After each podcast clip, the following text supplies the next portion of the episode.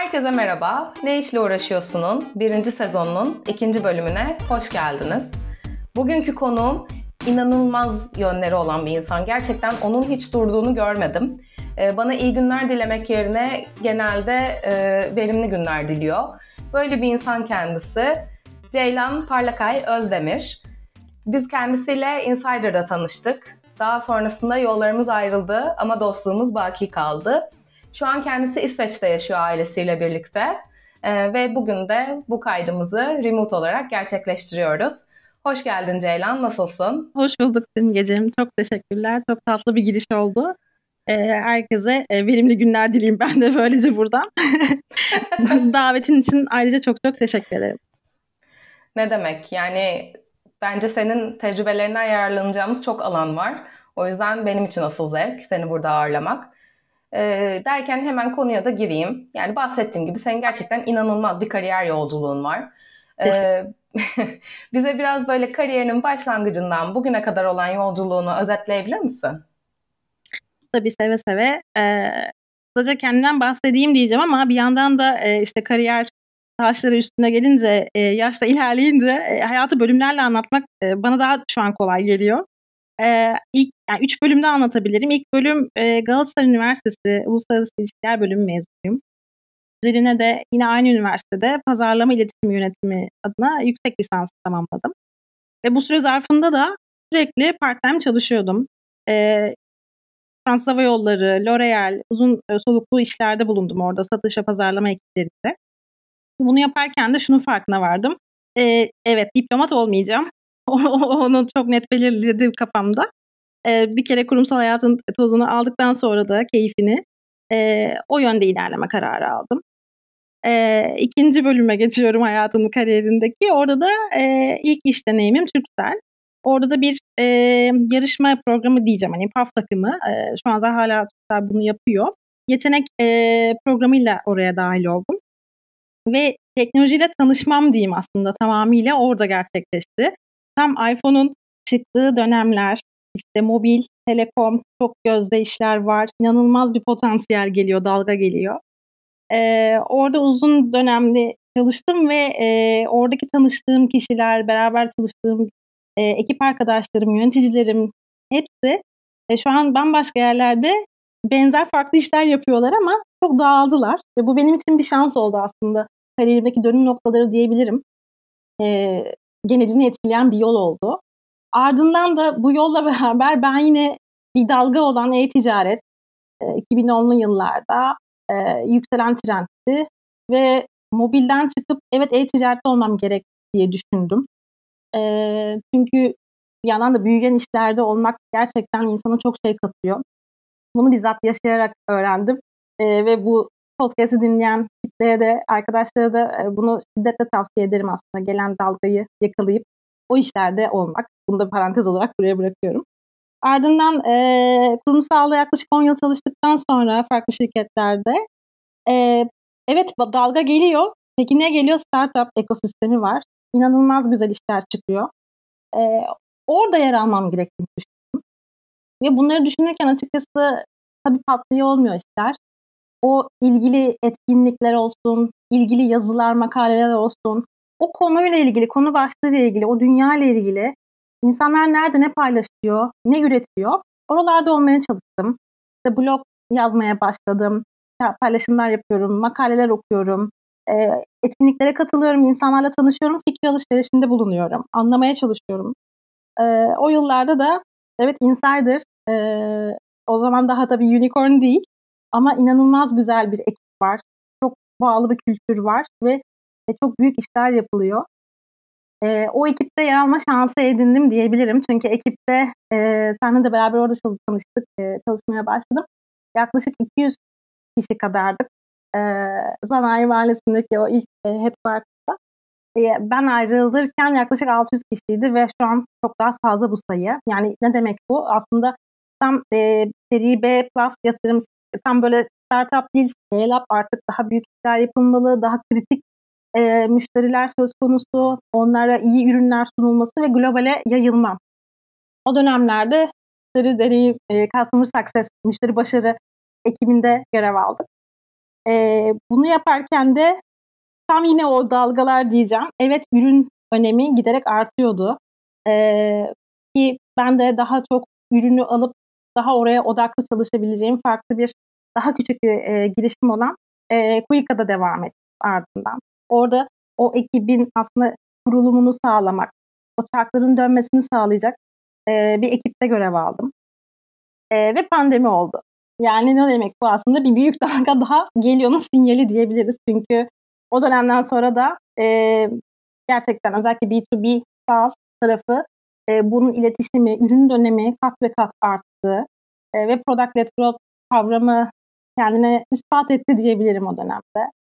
E, dolayısıyla e, bu şekilde çalışırken üzerine de bir e, relocation e, e, durumu söz konusu oldu aileyle ilgili. E, sonrasında e, İsveç'e e, yerleştik e, geçtiğimiz yıl. Yaklaşık hatta bir buçuk sene oldu. Burada da şu an bir e-ticaret girişiminde mobil uygulamalardan sorumlu ürün yöneticisi olarak çalışıyorum. E, bununla ilgili de hani şunu söyleyeyim, ürün e, hep içimizdeydi zaten önceki çalıştığımız işlerle de, projelerde de. Dolayısıyla şu an gerçekten e, bu içinde bulunduğumuz dünyada önemli bir e, pozisyon, önemli bir e, dikey olduğunu söyleyebilirim ürün yönetiminin. E, böyle bir podcast'ı da senin de e, başlatman, bu konuları ele alman, irdelemen çok çok çok kıymetli. Tekrardan da teşekkür ederim. Ee, ben teşekkür ederim. Bu arada inanılmaz böyle gerçekten film izledim. Ee, bununla beraber farklı bir yolculuğumuz da aslında kesişiyor. Ee, korona dönemi, farklı şirketleri deneme, bir relocation gelmesi derken hayatlarımız değişti, trendler değişti, her şey değişti. Sen tabii çok böyle nasıl desem resilient bir insansın yani gerçekten hepsini kaldırıyorsun. Ne zaman görsem enerjiksin ve bir sürü şeyle uğraşıyorsun. Ama anne olmak, yeni bir ülkeye taşınmak, bir de üzerine ürün yöneticisi olarak yeni bir rol almak biraz bana hislerinden bahseder misin o dönemki? Şöyle aslında yine ürün yönetimiyle bağlaştıracağım bu sorunun cevabını da. Hani üründe vardır North Star metriklerimiz, o onlardan vazgeçmememiz lazım. Bazı değişiklikleri, e, A-B testleri vesaire yaparken. E, bu da ona çok ilintili aslında. Çünkü yurt dışına e, yerleşme kararı bir anda da sürpriz olmadı aslında. Bir şekilde hayatımızın bir döneminde e, bunu yaşamak istiyorduk eşimle birlikte. E, evet belki İsveç ilk listenin birinci sırasında değildi. Onu çok samimi söyleyeyim. E, daha olası şekilde e, Almanya, Fransa ya da e, farklı ülkeler, farklı e, bölgelerde e, odaklıydık. Ama İsveç ve Nordik taraf aslında listede yoktu. Tamam. Fakat biraz araştırdım ben tabii hani e, bu karardan netleştirmeden önce. Burada da girişimcilik olsun, ürün yönetimi olsun. inanılmaz bir ekosistem var. E, çok çok yani mesela Spotify İsveç'ten çıkmış bir e, şirket. E, burada çok önemli üniversitelerde e, hem üniversiteler var hem bölümleri var ve bu üniversitelerin de buluşma merkezleri var burada. Özetle bir benim böyle gözümü parlatan bir kısım oldu evet. E, dolayısıyla o North Star metriklerimizden şaşmadan amacımız hep gelişmek, ilerlemek, işlerimizde iyi olmak, hayatımızda iyi ve mutlu olmak. O nedenle ülkeye gelmek e, kararı ve buradaki yaşanan hani bazı tabii ki her ülkenin zorlukları mi? Değişik e, kuralları olabiliyor ki İsveç de bunlarda yine önemli bir ülke. Buraya adapte olabilmek aslında bakış açısıyla alakalı. Ne zaman ki ya zaten o not metriklerimizle ilerliyoruz. Evet eminiz bundan. Ondan sonra zaten olası zorluklar, mücadeleler e, hep aşılası geliyor. Çözüm bulmaya çalışıyoruz. E, tabii ki aileden ayrı olmak, özellikle de yaklaşık bir yaşında bir bebekle bunu yapıyor olmak e, evet zordu. Ama dediğim gibi ileriye dönük hedeflerimizle ilgili adım attığımız için de pişmanlık olmadan zorlukları sakinlikle göstererek e, yol almaya devam ediyoruz diyeyim. Çünkü yani tamamlanmış bir süreç değil. Her gün yine bir şeyler öğreniyoruz, keşfediyoruz. Bu böyleymiş, aa oluyoruz. Ama dediğim gibi yani şu an emin adımlarla ilerlediğimizden eminiz ama o yüzden içimiz daha. Ee, biraz genelleme yapacağım ama bazen işte işin içine annelik girdiğinde hani iş daha arka plana atılabiliyor, önceliklerimiz değişiyor. Ama ben gerçekten anne olmadan önceki Ceylan nasıl biriyse hala aynı insanı görüyorum. e, bu motivasyonu ve enerjiyi e, nasıl buluyorsun? Gerçekten şeyi merak ediyorum yani.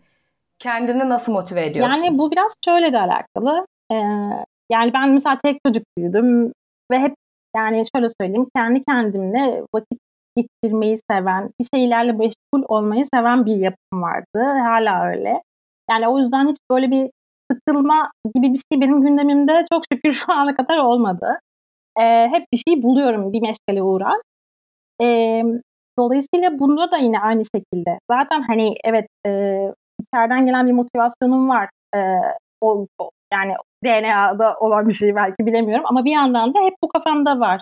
Ee, ondan dolayı da e, çocukta olunca tabii ona karşı ek sorumluluk hayatıma girdi. Ee, ona karşı da yani o pozitif enerjiyi vermem gerekiyor o ayrı ama zaten hani bir şeyler de kendinden şekilleniyor. Su yolunu buluyor. Ee, evet zorluklar oluyor mu? Sabrım sınanıyor mu? Evet. ama hani bir şekilde o iç motivasyonumu çok küçük şeylerde günlük hani hayatta böyle karşımıza bazen bir ne bileyim kelebek görürsün mutlu olursun ya da bir böyle güneş açar aa ne tatlı dersen hani o tarz şeylerle çok hani mutlu olabilen bir yapım var çok şükür. O yüzden de e, evet hayatın gerçekliklerini bir ele alıp ama bir yandan da bir dakika yani nefes alıyoruz, sağlıklıyız, her şey yolunda değil mi? şeklinde kendimi hep böyle bir çek ede ede e, ilerliyorum. E, dolayısıyla hani bu benim biraz içten gelen, biraz öğretilmişliklerle şekillenen bir yapım var diyebilirim. Evet. Muhteşem. Gerçekten şükür moment. Çok önemli. evet, e, aynen öyle. Aynen. gerçekten de örnek alınması bir insansın. Abartmıyorum da. Seninle böyle sohbet etmek de her zaman çok ilham verici oluyor o sebeple.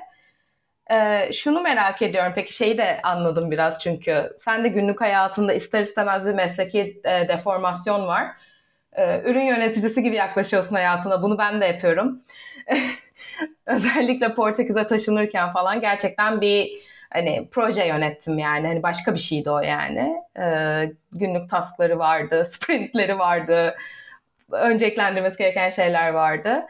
Kesinlikle kesinlikle. ayrı bir task listim vardı yani hep böyle yani işle ilgili ayrı bir de bir dakika yapılması gerekenler başvurular işte ne bileyim takip edilecek süreçler vesaire aynen öyle dediğin gibi.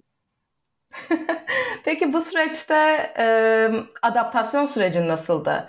Yani şunu soruyorum aslında. E, tamam Türkiye'yi bıraktın, İsveç'e yerleştin. Burada hem oranın sistemine ki sistemiyle ünlü bir ülke zaten. Bir de çalışma kültürüne adapte oldun. Biraz Türkiye ile kıyaslayabilir misin? Nasıldı senin için adaptasyon süreci? Şöyle söyleyeyim. Çok e, buradaki yapı, ülkedeki yapı çok basit, son derece sade düşünülmüş e, bazı sistemler var. Örnek vermem gerekirse. Burada mesela Türkiye'de bir e-ticaret sitesine bir login olmak mesela hani ana ayrı şifre yaratmak ya da Google ya da Apple farklı Facebook hesaplarıyla bağlanmak e, kenara bırakıyorum ama yani bu mesela bile bana farklı gelmişti. Burada ülkede e-ticaret sitelerine ya da devletle ilgili yani okullarla ilgili herhangi bir yere login olmak demek aslında bir ID'niz var. Sadece o ID ile onun bir aplikasyonu var. Ona onay veriyorsunuz telefonunuzdan. Yani sadece öyle yapılıyor her şey. Yani e, çok daha basite indirgenmiş durumda.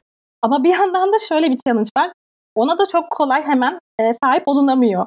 Beklemek gerekiyor. Sıra beklemek gerekiyor. Belli evrakları, başvuru dokümanlarını e, e, teslim etmek gerekiyor vesaire vesaire. Ama her şey o onunla beraber anahtar çözülüyor. Onu söyleyebilirim. Onun dışında e, nakit burada neredeyse sıfır. Nakit kullanılmıyor. Yani nakiti kullanabileceğimiz bir yer yoktu mesela ilk geldiğimizde. İşlerimizi yapabilmek için vesaire her, her şey kredi kartıyla. E, hatta Swish'te mesela buranın yine e, o da farklı bir uygulaması var. Hani Swish kullanılıyor ya da kredi kartı kullanılıyor. Hı, iş çalışma kültürü gibi hani konulara geldiğinde de herkes son derece planlı. Evet Avrupa genelinde de zaten birçok ülkede de bunu hep duyuyoruz. Yaşıyor yani yaşıyorum şu an ama mesela duyuyordum da yaşamadan önce de. Ama burada da ekstra Türkiye'den farklı olarak tamam planlılık var ama sezonsallık çok önemli. Yani gerçekten yazın Temmuz ayında ülke neredeyse kapanıyor İsveç'te. Ben buna çok şaşırmıştım. Avrupa'da farklı ülkelerde de tamam bu var ama bu kadar her tarafın gerçekten bütün şirketlerin çalışanların aynı anda izin alması beni e, çok şaşırtmıştı ilk geldiğimde. Ee, bunu keza işte yılbaşı dönemlerinde yaşanıyor. Yazın yaşanıyor. Balk tatiller var. Bütün şirketler zaten ona göre e, düzenlerini ayarlıyorlar. E, bu farklı geliyor. Dolayısıyla iş anlamında Türkiye'deki o çeviklik, çok işi aynı anda yapabilme, bir yandan motivasyonu bir yandan da gereksinliği yani zorunluluklarında e, bu ülkede şu an yok. E, ama mesela bir Türk olarak şu an burada hani tez canlılığım hala var. Onu saklamayamam. E, bir işler yavaş gel geliyor ama adapte ediyorum kendimi. Yani tamam buranın şartları, temposu bu. E, buna göre de şu adımlar atılmalı, şurada beklenmeli vesaire. E, ama dediğim gibi yani çalışma kültürü olarak Türkiye ile kıyaslarsam eğer e, burası daha yavaş, daha zaman alıyor, daha uzun molalar var. Onu söyleyeyim. Evet, bu biraz e, Portekiz'de de böyle. Çok yavaşlar. Bizim şirketin genelinde de hani yavaşlık yok bu arada. Bence yine hızlı bir şirket ama e, Türkiye'deki kadar manyakça diyeceğim çalışılmıyor. Yani ben Türkiye'dekinin çok sağlıklı olduğunu düşünmüyorum galiba. E, yani buraya gelince evet ben de biraz hani o onu kıyaslama şansı elde ettim diyeyim. Oradayken çok hani ben de sen de bilirsin hani evet. hani bir şekilde daha hızlı bir tempoda çalışıyorduk. Saatler yani yok gibi bir şeydi. Ama burada mesela belli bir saat diliminden sonra yani işle ilgili kimse kimseye bir şey sormuyor, söylemiyor ve bunu yapılmaması bekleniyor. Ee, ben mesela ilk Avrupa işimde uyarı yemiştim 6'dan sonra mesaj evet, Evet işini için. planlayamıyor musun acaba? Bir sorun mu var diye de gelen yöneticiler var burada. Çünkü böyle hikayeler duydum arkadaşlardan böyle hmm, ona göre evet. dikkatli olmak lazım bir dakika tamam deyip. Çünkü ben de mesela e-ticaret işi yapıyoruz ve satışları merak ediyorum. Hafta sonu ne oluyor? Pazar bir dakika ya hani ona göre hep planlamalar.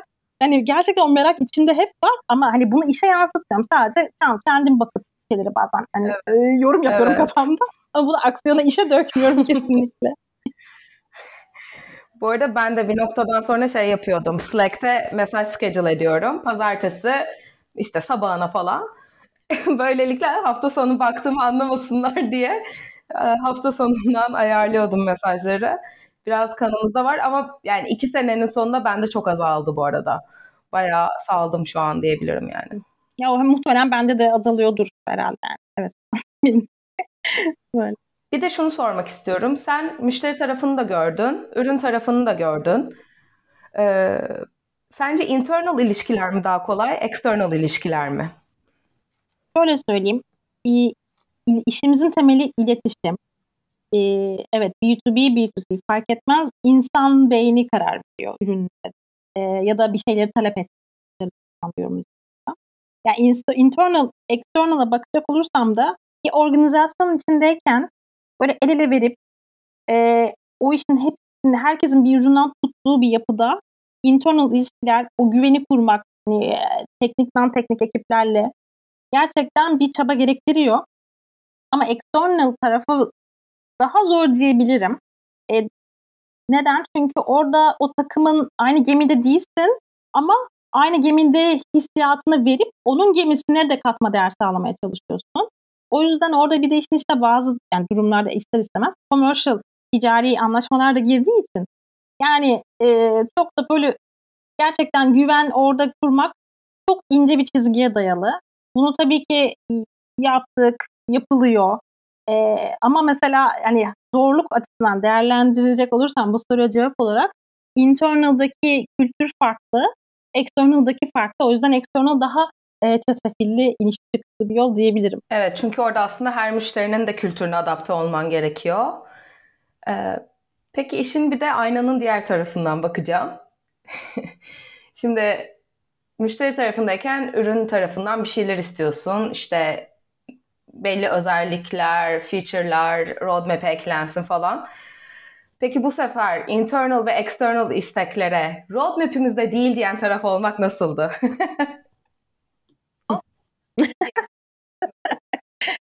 o evet inanılmaz.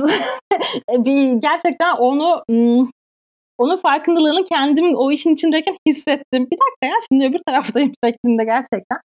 E, bunu yaparken de e, yine yani en başta altını çizdiğim noktaya geleceğim.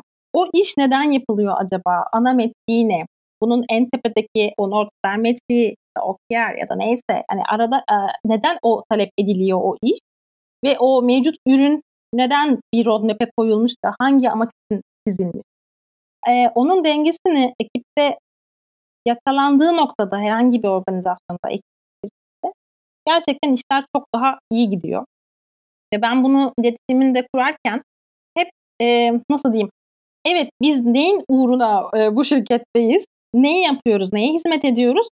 O zaman işte bunun matematiği bu şekilde oluyor deyip e, o müşteri tarafı diyeceğim. Yani iç müşteri tarafını da yönetiyor olmak, o dengeyi kurmak hem biraz iletişim becerisi hem de bir yandan da bu ana ve e, ana oda tekme ile alakalı yapılan işlerin altını çizmek, neden bu geliştirmenin, iyileştirmenin, A-B testin yapılacağının nedenleriyle açıklandığı dünyada işler biraz daha kolay ilerledi diyebilirim. Ya da ben bu yolu seçtim, bu yolu tercih ettim ama başka modeller ya da metotları da uygulayan e, arkadaşlarım olabilir ama kendi adıma bu soruya bu şekilde cevap verebilirim. Peki sence bir ürün yöneticisinin belli karakter özelliklerine sahip olması gerekir mi? Yani şöyle ben hani hayatımızın ürün yöneticisiyiz diyeceğim çünkü yani en çocukluktan yani merak hep bence hani her iş ne olursa olursa olsun bir merak olmalı. Yani bu neden oluyor, niçin?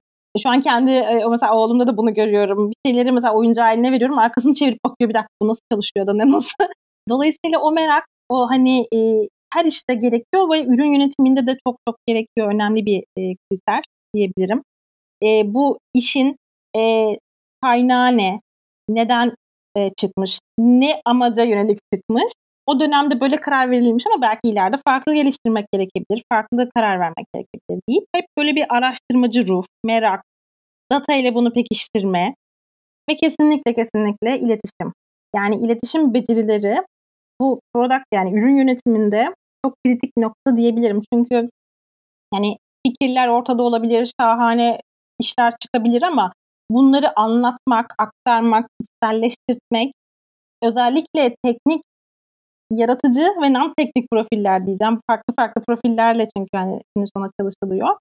Dolayısıyla o aradaki koordinasyonu, orkestrasyonu sağlamak ciddi bir iletişim becerisi gerektiriyor. Ha, profillerde bu doğal zaten vardır.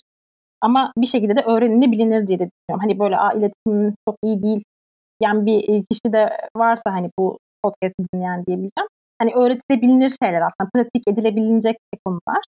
E, dolayısıyla çok da hani yani bu özelliklere sahipseniz ne hala ama değilseniz de gerçekten bunu geliştirebileceğiniz çok kaynak da var etrafta.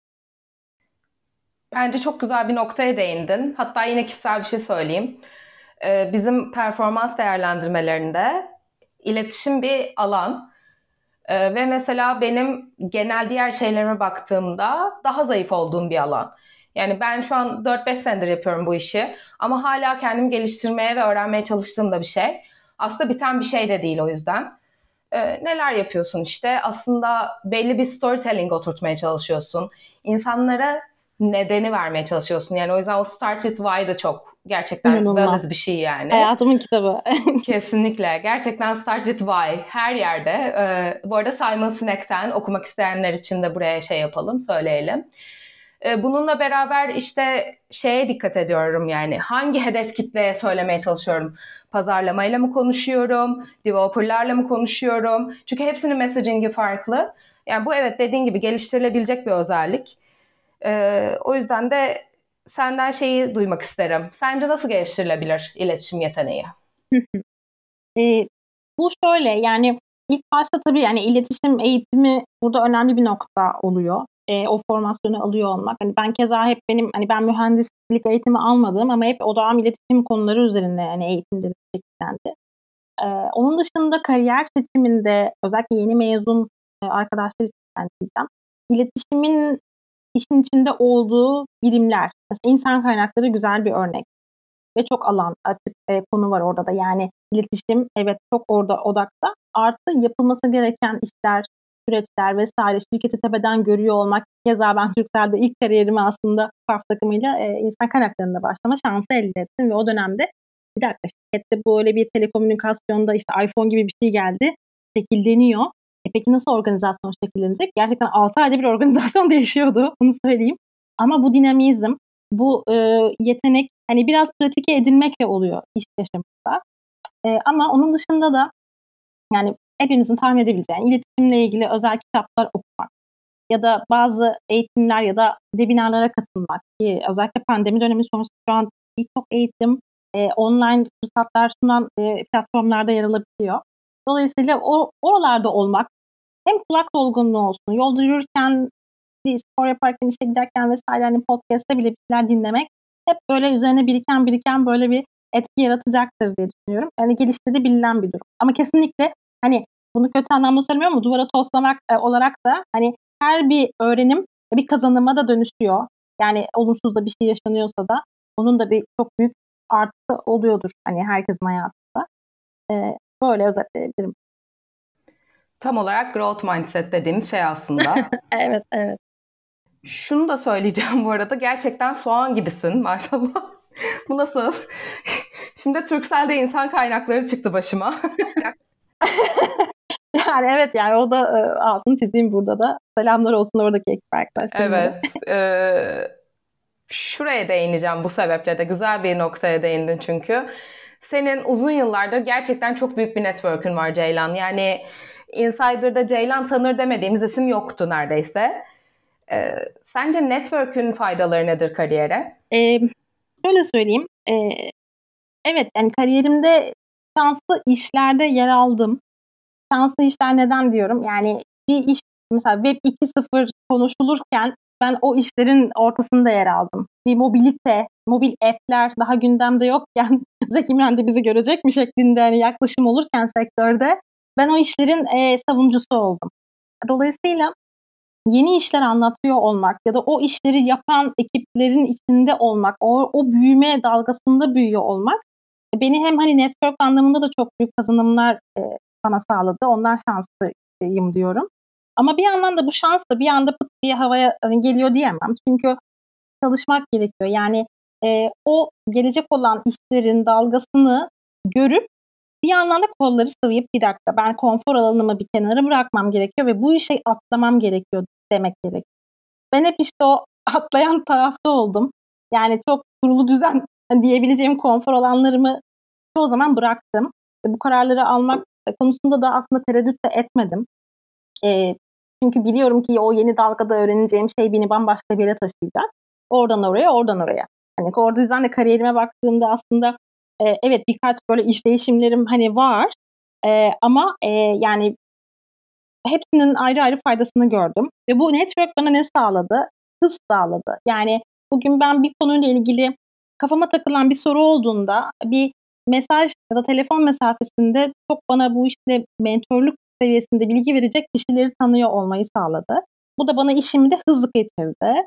E, onun dışında da öğrenme, paylaşım, etkileşim diyeceğim. Çünkü e, gerçekten o network'te olunca ben bugün e, diyelim ki LinkedIn'e böyle sürekli giren bir insanım. Tamamen aslında bir şeyler edinmek anlamında da hani yani sırf böyle hani iyi iş platformu gibi görmesin kimse LinkedIn'i. Tamamen oradaki paylaşımlar son derece kıymetli. Bu Twitter yani şu an Twitter demiyoruz. İkisinin de geçerli ama şunu diyeceğim. Sosyal medyada birinin bir paylaşımı demek bu iş böyleymiş. Aa o onu tetiklemiş. Burada böyle bir rapor paylaşmış. Acaba şu işle ilgili nasıl düşünüyor vesaire derken bu sürekli hiç durmayan bir yapı. Ben network'ümü o şekilde görüyorum. Ve yani şöyle söyleyeyim ben hani hep samimi biri olmaya çalıştım hani bu hayatta da hep hani o yüzden o hani o e, nasıl diyeyim yani güven ilişkisi, samimiyet, bir şeyleri iyiye doğru götürtme çabası herhalde bunu yayıyorum ki e, o etkileşimde karşıdan ayna gibi alıyorum diyeceğim. Bir yandan da bunları yapıyor olmak çok önemli. Yani e, yapılan şeyin paylaşılması, iyi bir başarı varsa, bir rapor varsa ya da bir öğrenilmişlik varsa. Dolayısıyla o etkileşimde network çok kıymetli ve hani bu bir yolculuk. Yani yakın zamanda çok önemli bir lider hayatımda Süreyya Cilip. Ondan böyle bir özel not aldım. Yani e, biz aynı takımdayız. Dün, bugün, yarın şeklinde. Kesinlikle hani bu çok kıymetli. Ben de şu an için hani çalışma arkadaşlarım olsun, e, keza seninle aynı şirketteydik ama şu an değiliz ama hala bu şekilde konuşuyorsak bir şeyler zaten etkileşim hayatımızda hep olacaktır. O onun sinyali. Dolayısıyla ben de bu gözle bakıyorum. Evet gördüm o paylaşımını bu arada. Gerçekten çok tatlı bir hediye olmuş. Peki sonuçta bu network'ü bırakıp hani yeni bir ülkeye taşındın ve şu an remote mu çalışıyorsun bu arada? E, hibrit çalışıyorum. Ofise de gidiyoruz. E, evden de çalışıyoruz. Dengeli bir şekilde evet. Tamam. Ee, İsveç'te bir expat olarak sence network oluşturmak kolay mı? Yani İsveç özelinde değil de genel olarak yurt dışına taşınan herkes için geçerli bir soru aslında bu. Ya da bunu oluşturmak için senin özel attığın adımlar var mı? Yoksa Türkiye'deki network'ünle mi hayatına devam ediyorsun? hakikaten konfor alanı bir önceki sorunun cevabındaydı. Yani konfor alanımı bırakıp geldim diyeceğim. Gerçekten network'üm orada Türkiye'de işler çok daha benim için nispeten daha kolayken buraya geldim. Ee, şöyle söyleyeyim. Mesela Türkiye'de Teknolojide Kadın Derneği üyesiydim. Buraya geldim. Evet Women in Tech. Burada da böyle bir dernek var. Aa bir dakika üye olmalıyım, bir katılmalıyım. Neler dönüyor orada da. Kendi adıma mesela böyle adımlar attım. Ee, onun dışında hani bu eski eski hayatım diyeceğim. Hani onu buraya da adapte etmeye çalıştım kendi çapımda. Fakat buranın da tabii bazı gereksinimleri var.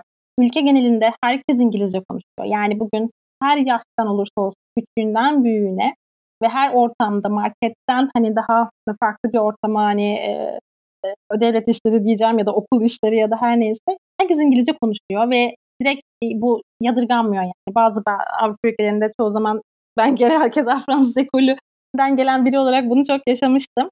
E, dolayısıyla bu ülke ona sıcak bakıyor. Bu ne demek? Aslında networking anlamında çok da bir dil engeli yok. Ama e, bir noktada ama e, yine de İsveççe aranan bazı şirketler var. Hani her şirkette ortak kullanım dilini e, İngilizce yapmıyor. E, böyle bir ayrım var. E, onun dışında bu ülkede adapte hani olma konusunda adım atarken evet e, böyle networklere girme çabam oldu. Üniversitelerin bazı kuluçka merkezleri var. Onlarla iletişime geçtim. Özellikle e, bir önceki işim hani Kuyuka'dan ayrıldıktan sonra bir dakika ben burada yeni bir sayfa açmalıyım deyip e, İsveççe öğrenmeye başlamam. Bunun bir adımıydı. E, şu an hala çok hani temel seviyede e, devam ediyorum ama e, yani profesyonel hayatta kullanabileceğim bir seviyede değil. Ama işte bazı girişim e, yapılarına gittim. Bizdeki işte collective house benzeri diyeceğim burada olan yerlerde. Bir yandan tanımaya çalışıyorum insanları ya da yapılan işleri. E, bir de dalgayı anlamaya çalışıyorum. Çünkü neden? Başa gelecek olursak hani yeni gibi büyük dalga ne olacak? Tamam dünyada ne olacak? Artı benim içinde bulunduğum coğrafyada şu an ne olacak? E, Nordik taraf diyeyim. Sonuna kadar şu an sürdürülebilirlik, iklim değişikliği ile ilgili ne kadar böyle startup fikir varsa şu an odak o noktada. E, ve hani otomotivdeki o büyük değişim, e, elektrikli otomobiller işte onun dışında otomotiv sektörüyle ilgili birçok startup da yine burada var.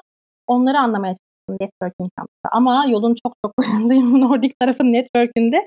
Keza hani şu an e, buradaki mesela B2B SaaS işlerinde özellikle e, İsveççe aranıyor. Bunu söyleyebilirim. Hani eğer bir hani böyle bir ekipte görev alınacaksa aranıyor networking olarak. Ama onun dışında açık herkes. Ve hani çok da böyle Nordik insanlar biraz hani belki soğuktur diye bir algı vardır ama ben hiç onu yaşamadım burada. Hmm, yani bilmiyorum şu an ben Göteborg'dayım ama olduğum yerde ilgili midir bilmiyorum ama gerçekten hep sıcakkanlı, yardımsever bir dönüş aldım. Belki memleket soğuk diye öyle bir stereotip vardır ama. Olabilir belki. ya Ceylan şu an sana şeyi soracağım. Armağan Çağlayan usulü soracağım. Buradan da sevgiler, selamlar. Kendisini çok seviyorum. Röportaj konusunda büyük bir ilham. Yani bayılıyorum Görbeni'ye. Ee, zor olmuyor mu? yorulmuyor musun? Bu kadar şeyle yorulmuyor musun? Nasıl idare ediyorsun? Yani hiç yoruldum ben deyip oturuyor musun? Bunu merak ediyorum. Ya gün içinde oluyor tabii me time diye. Özellikle yine buranın e, coğrafyada kendi işte zaman ayır kendine güne başlarken bir de defter tut not al ben neler yapacağım vesaire. Me.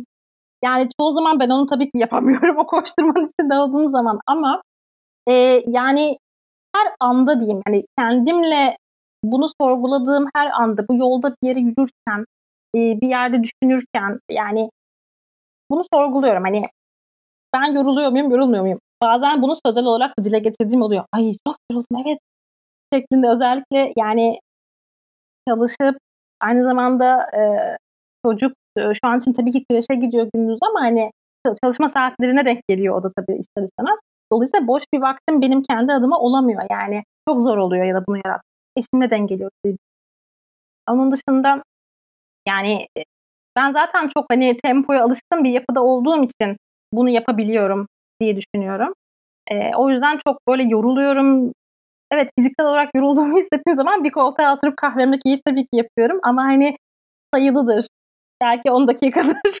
15 olursa benim için lüks olur şu ara. Ee, ama zamanla bu tabii ki bir düzene oturacak diye tahmin ediyorum. Şu an tamamen hani iki buçuk yaşında bir oğlum var ve çok hareketli ve hani e, işten ayrıca kalan zamanda kesinlikle onunla oynamak, onu geliştirmek, onun gelişimine tanı, e, şahitlik etmek, onunla eğleniyor olmak hani benim için çok büyük mutluluk yayıyor. Belki de motivasyon kaynağı da diyebiliriz ama e, böyle. Okey. Bu arada 15 dakikaya lüks demen. Gerçekten öyle maalesef. Hani, e, tabii dakikalar uzadı yani. 10 10 dakika bulamadığım durumlar oluyor. Zaten anne kahvesi diye bir gerçeklik evet, var. Doğru. E, koyuyorsun kahveyi soğuyor ve sen belki iki saat sonra içebiliyorsun vesaire. Ama şey yani dediğim gibi hani bu tempoya alışkın biri olduğum için ve bu temposuz olsaydım hani ne olurdu bilmiyorum. Hani yine bir şey bulurdum belki ama yani e, gerçekten o benim için yorgunluk of bittim noktasına gelmiyor. Ama tabii ki gün içinde inişler hepimiz yani, tabii olabilir. Bende de oluyor ama iç motivasyon devreye giriyor. Okey ben inatla senden zor bir şey alacağım şimdi.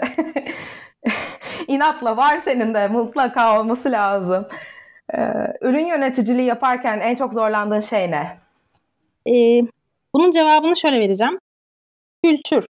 Yani eğer ki ürün yönetimi yaptığın ekip, takım, kafa olarak e, yani nasıl veriyle bilgiyi harmanlayabiliyor mu? Yolda fikir değiştirmeye açık mı, esnek mi?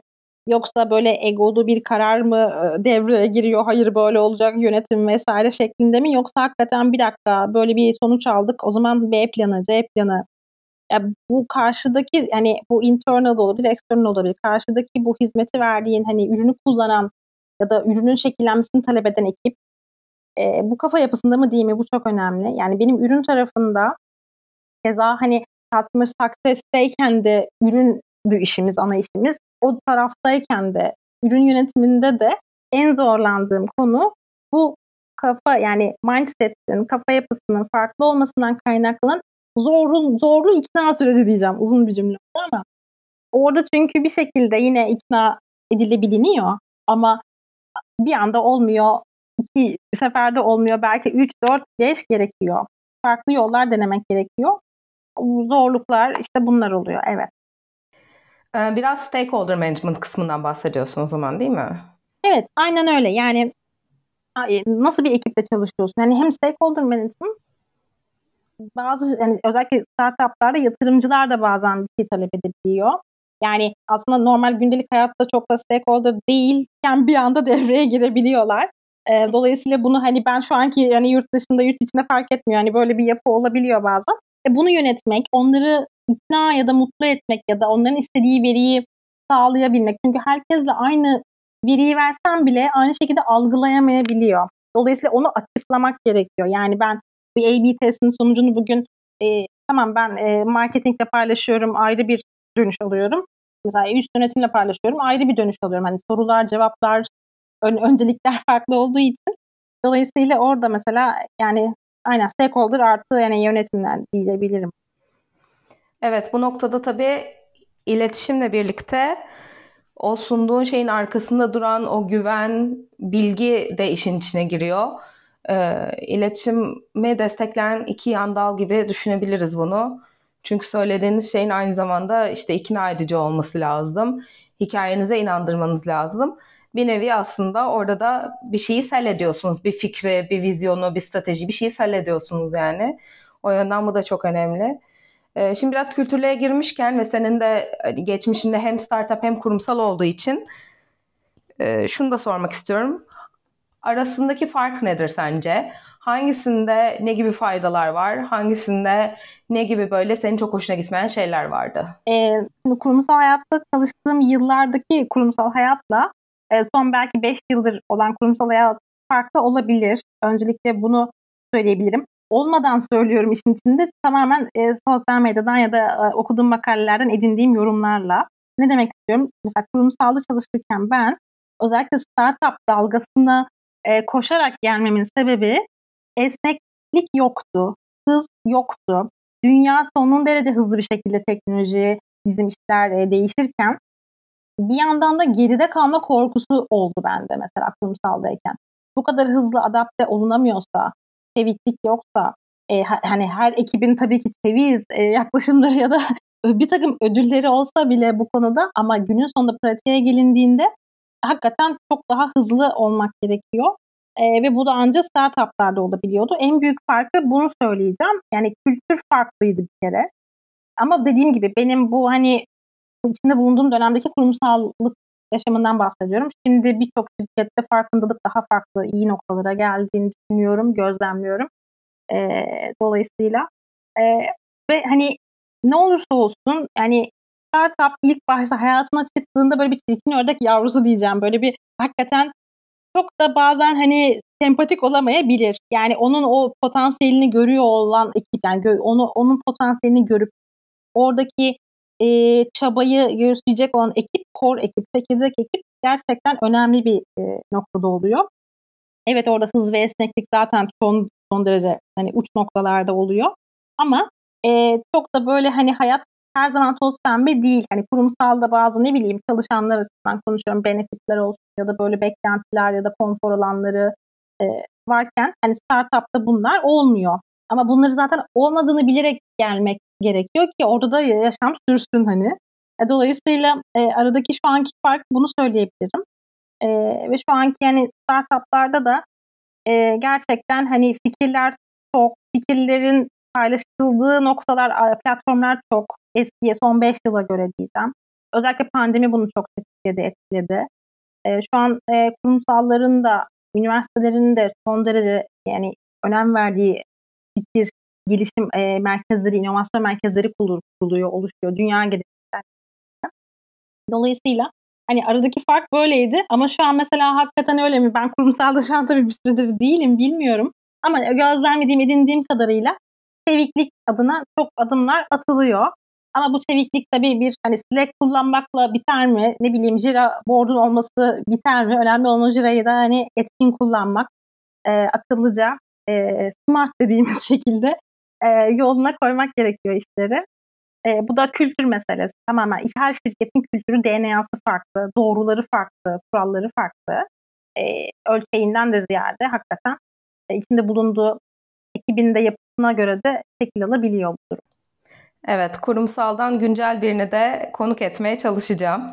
E, ondan güncel e, bilgileri alacağız diye umut ediyorum.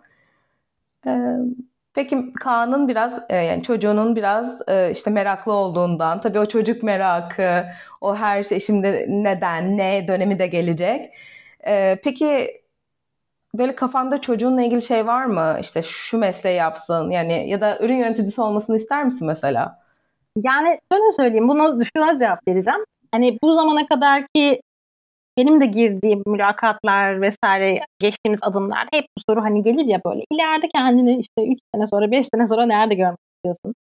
Benim neredeyse yani bütün mülakatlarda hayatımda girdiğim en başından beri verdiğim cevap şöyle oluyor. Ya ben 5 sene sonra geleceğim yerdeki gerçekçi olmak gerekirse işi bilmiyorum. Mesleği bilmiyorum. Çünkü hep ben yenilik peşinde koşuyorum. E, dolayısıyla ben şu an şimdiden hani çocuğun e, ileride ne meslek sahibi olabileceğini bilemem gibi geliyor. e, dolayısıyla e, ve bilmeyeyim de zaten. Yani yeni bir şeyler gelsin, o yeni şeylerde o dalga neyse onunla uğraşsın o da. E, ama yani tabii ki her çocuk gibi o da işte arabalarla oynuyor, uçaklara, roketlere çok meraklı. Evet, aa bu çocuk astronot mu olacak? Ay bu çocuk otomotivci mi olacak, ne olacak? İşte hep bunlar aile içinde gündemde olan konular ama yani, yani işin özünde yani bunu herkes için söyleyebilirim. Yani ileriye dönük işler 5 sene sonra bizim işler ne şekil olacak? Nasıl bir e, ekosistemde olacağız? 10 sene sonra, 20 sene sonra önceliklerimiz ne olacak? Hani o gerçekten bir bilinmez.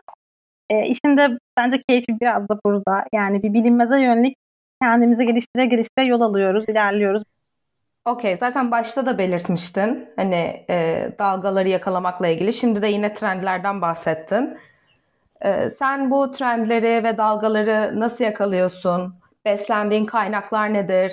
Dinlediğin insanlar kimlerdir varsa eğer ya da influence olduğun kişiler. E, burada da senden böyle onun kısa bir özetini alıp e, sonrasında da açıklamaları ekleyelim arkadaşlar için. Tabii tabii seve seve. Yani tabii ki bu kaynakların çok hani erişilebilir olduğu bir dönemdeyiz. Ben açıkçası bizim bu işlerin başından beri yani sosyal medyayı gerçekten işle ilgili ciddi bir kaynak olarak e, kullandım. E, tam geldiğim dönemde bir e, ürün e, ürünü çıkarmış İsveç kökenli şu an Amerika'da San Francisco'da yaşayan bir girişimci e, vardı. E, Yana e, Wedender.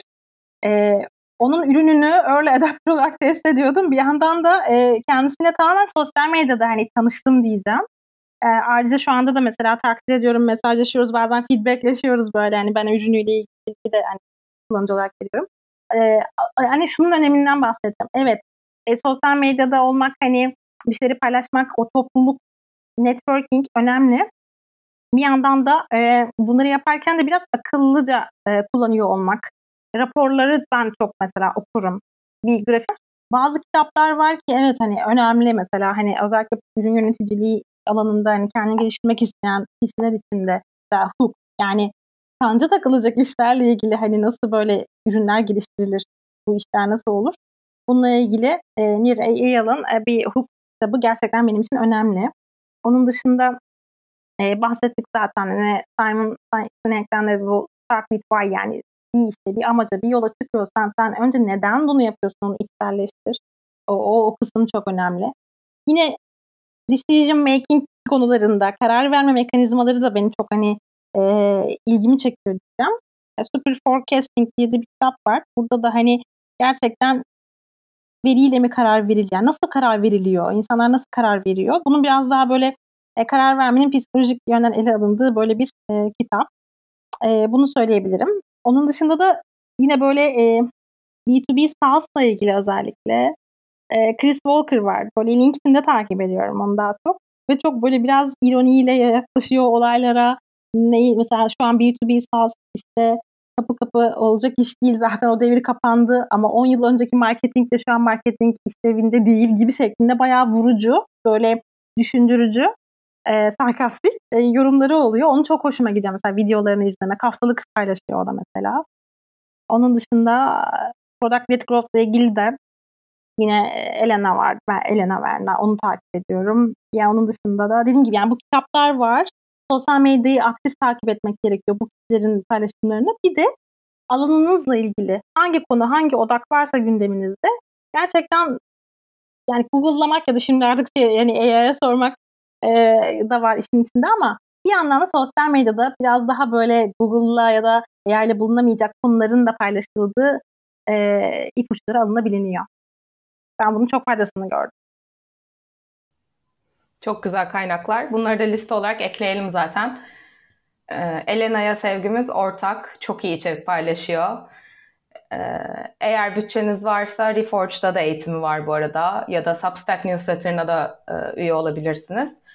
Çok teşekkür ederim gerçekten katıldığın için. Bu yoğunluğun arasında e, bana da vakit ayırdığın için çok sağ ol. Ee, bizi dinlediğiniz için teşekkürler. Ne işle uğraşıyorsunun ikinci bölümünde burada bitiriyoruz. Kendinize çok iyi bakın. Haftaya yeni bölümde görüşene kadar da merak etmeyi hiç bırakmayın. Sevgiler.